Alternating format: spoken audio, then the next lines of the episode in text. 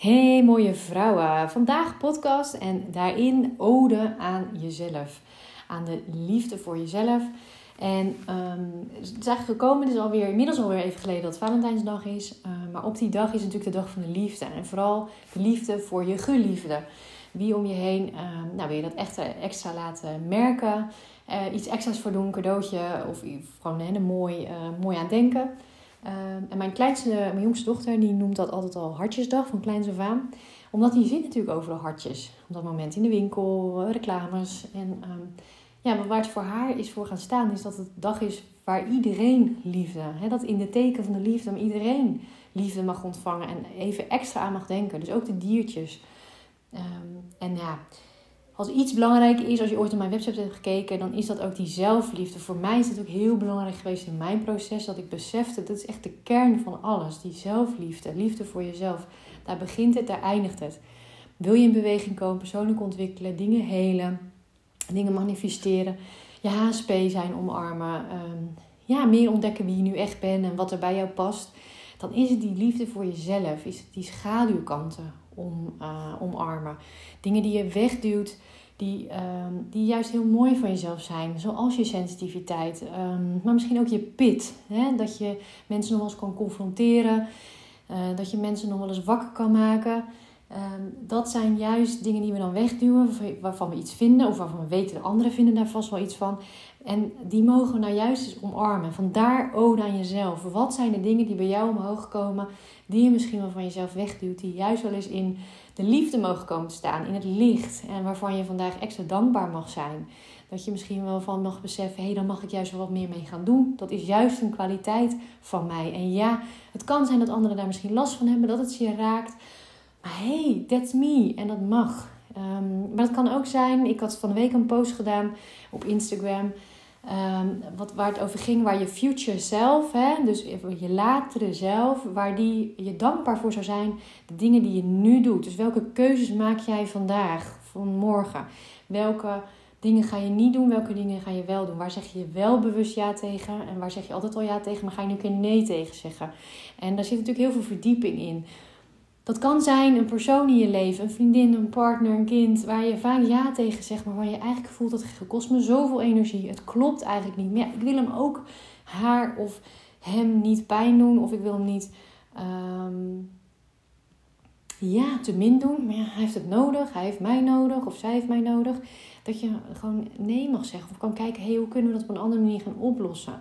Want voor mij voelt het niet meer zo. Het kan zijn dat je al langer een studie wil gaan doen. Of dat je een stap wil gaan maken in je carrière. Dat je nou ja, ruimte wil gaan maken in je leven voor kinderen.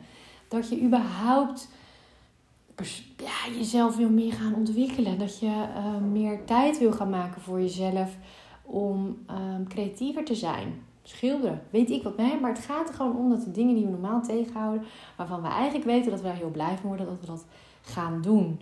Maar vooral dat je beseft dat je uniek bent. Jij bent uniek, jij bent mooi, waardevol.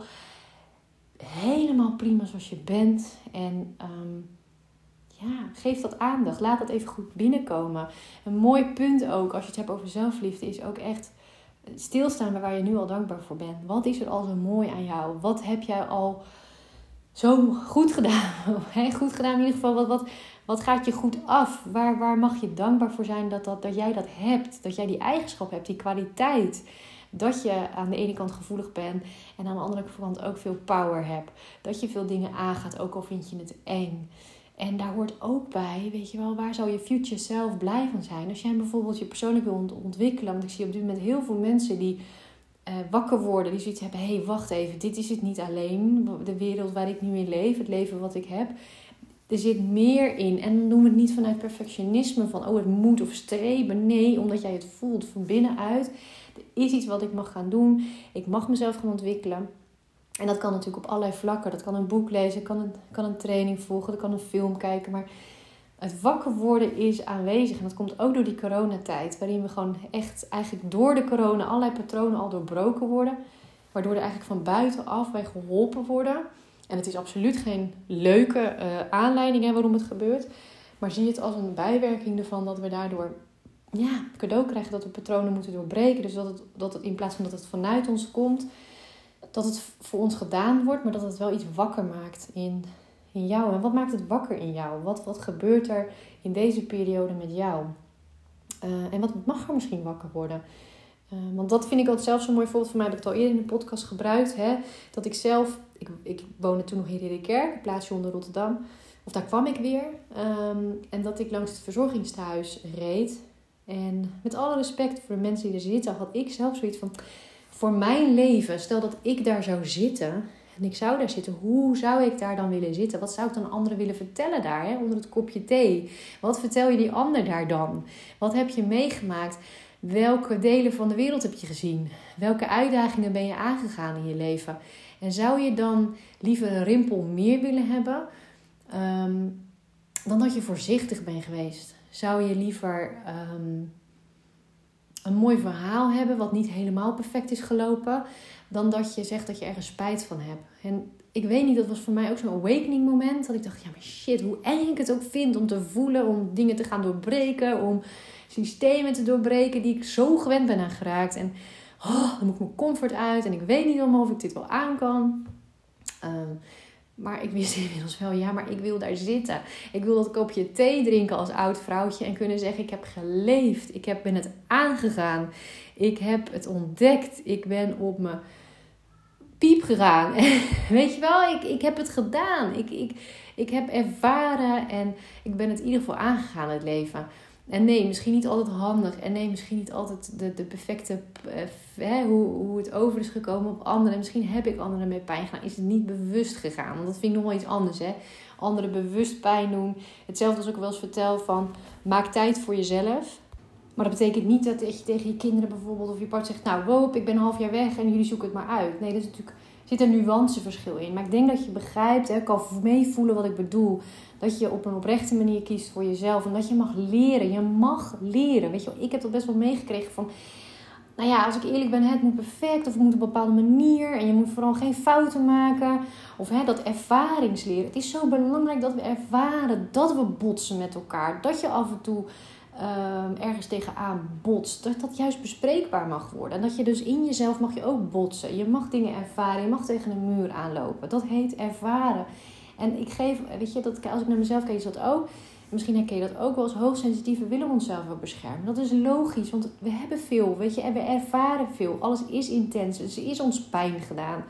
Um, dus zo gek is het niet als je dat uit de weg wil gaan. Maar je kan ook op een goede manier met jezelf, hè, met een manier waarop je jezelf zo steady bent in jezelf, die ervaringsleer aangaan. Dat die comfortzone zo oké is dat je daar ook die randjes op mag zoeken en daar overheen mag gaan. Dat is helemaal oké. En vind jezelf dat ook waard. Dus dat is vooral de boodschap voor vandaag. Hou van jezelf, geloof in jezelf.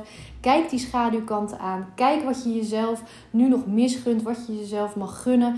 Dat er nog meer mooie dingen op je pad mogen komen. Mensen die je misschien nu nog niet toelaat, maar waar je echt ruimte voor mag gaan maken. Maar vooral probeer het uit. Ga het aan. ja, kijk even uit die comfortzone mag het van jezelf gaan ervaren. Je kan altijd weer terug in die comfortzone. al is het maar overdag proberen. S'avonds ga je weer in je comfortzone thuis. De fijne plek die je hebt. En ga je erover nadenken, reflecteren. Dat is oké. Je hoeft niet gelijk mijlenver dingen te doen. Nee, het mag ook in stapjes. Ik zeg in sessies ook wel eens mooi. Dit is het moment in de sessie dat je mag dromen, dat je mag ervaren, dat je mag gaan onderzoeken.